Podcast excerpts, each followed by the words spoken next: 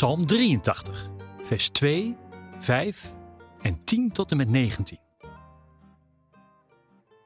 God, luister naar ons, blijf niet zwijgen. Zie wat er gebeurt en help uw volk. Ze willen ons vernietigen, zodat we voor altijd worden vergeten. God, vernietig ze allemaal. Straf ze net als het volk van Midjan. Straf ze net als Jabin en Sisera, toen die vochten in het Kisondal. Zij werden gedood bij Endor. Hun lichamen lagen te rotten op het land. Straf uw vijanden en hun leiders. Zij willen heersen over het land waar u woont. Straf ze, zoals u Oreb en Zeeb strafte. Dood ze, zoals u Zebach en Salmuna doodde. God laat uw vijanden verdwijnen zoals een bloem die wordt weggeblazen, zoals stof dat wegwaait in de wind. Vernietig ze allemaal, zoals een vuur dat alles verwoest, zoals een bosbrand in de bergen. Stuur een storm op hen af, blaas ze weg in een orkaan.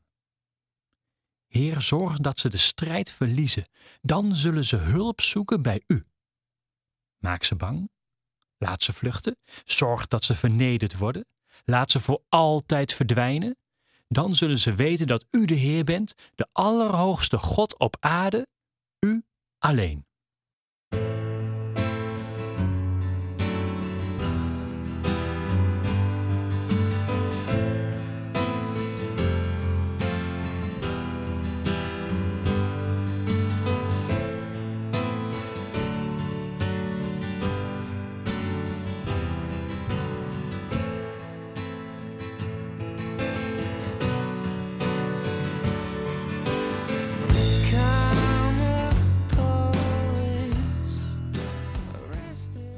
Oorlog, dreiging van oorlog. Dreiging van het ergste dat Israël kan overkomen, de totale vernietiging. Dat is de situatie waarin deze psalm klinkt. De vijanden gaan tekeer. Ze haten nu. Ze maken plannen om ons aan te vallen, al die volken samen.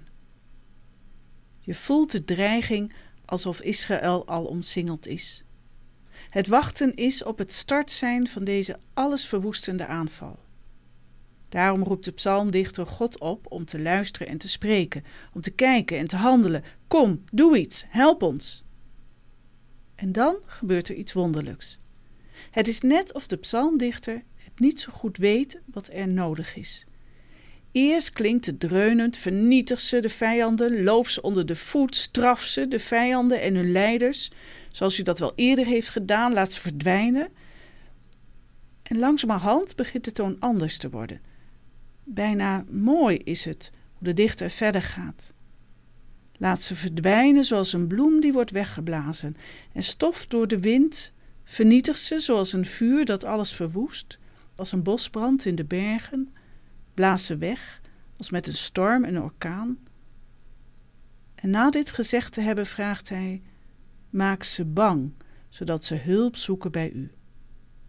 Hoe totaal anders klinkt dit als die bede om vernietiging.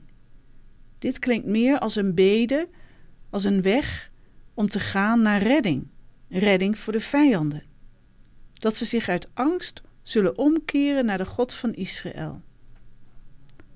Misschien maak ik het te mooi. Dat er toch nog een kans is dat de oorlog wordt afgewend, of dat in de strijd er iets gebeurt dat de volkeren tot inzicht zouden komen. Misschien. Maar waar zouden we zijn als we de hoop op het einde aan een oorlog opgeven, als we de hoop opgeven dat onze vijanden ooit onze vrienden zouden kunnen worden? Wat denk jij?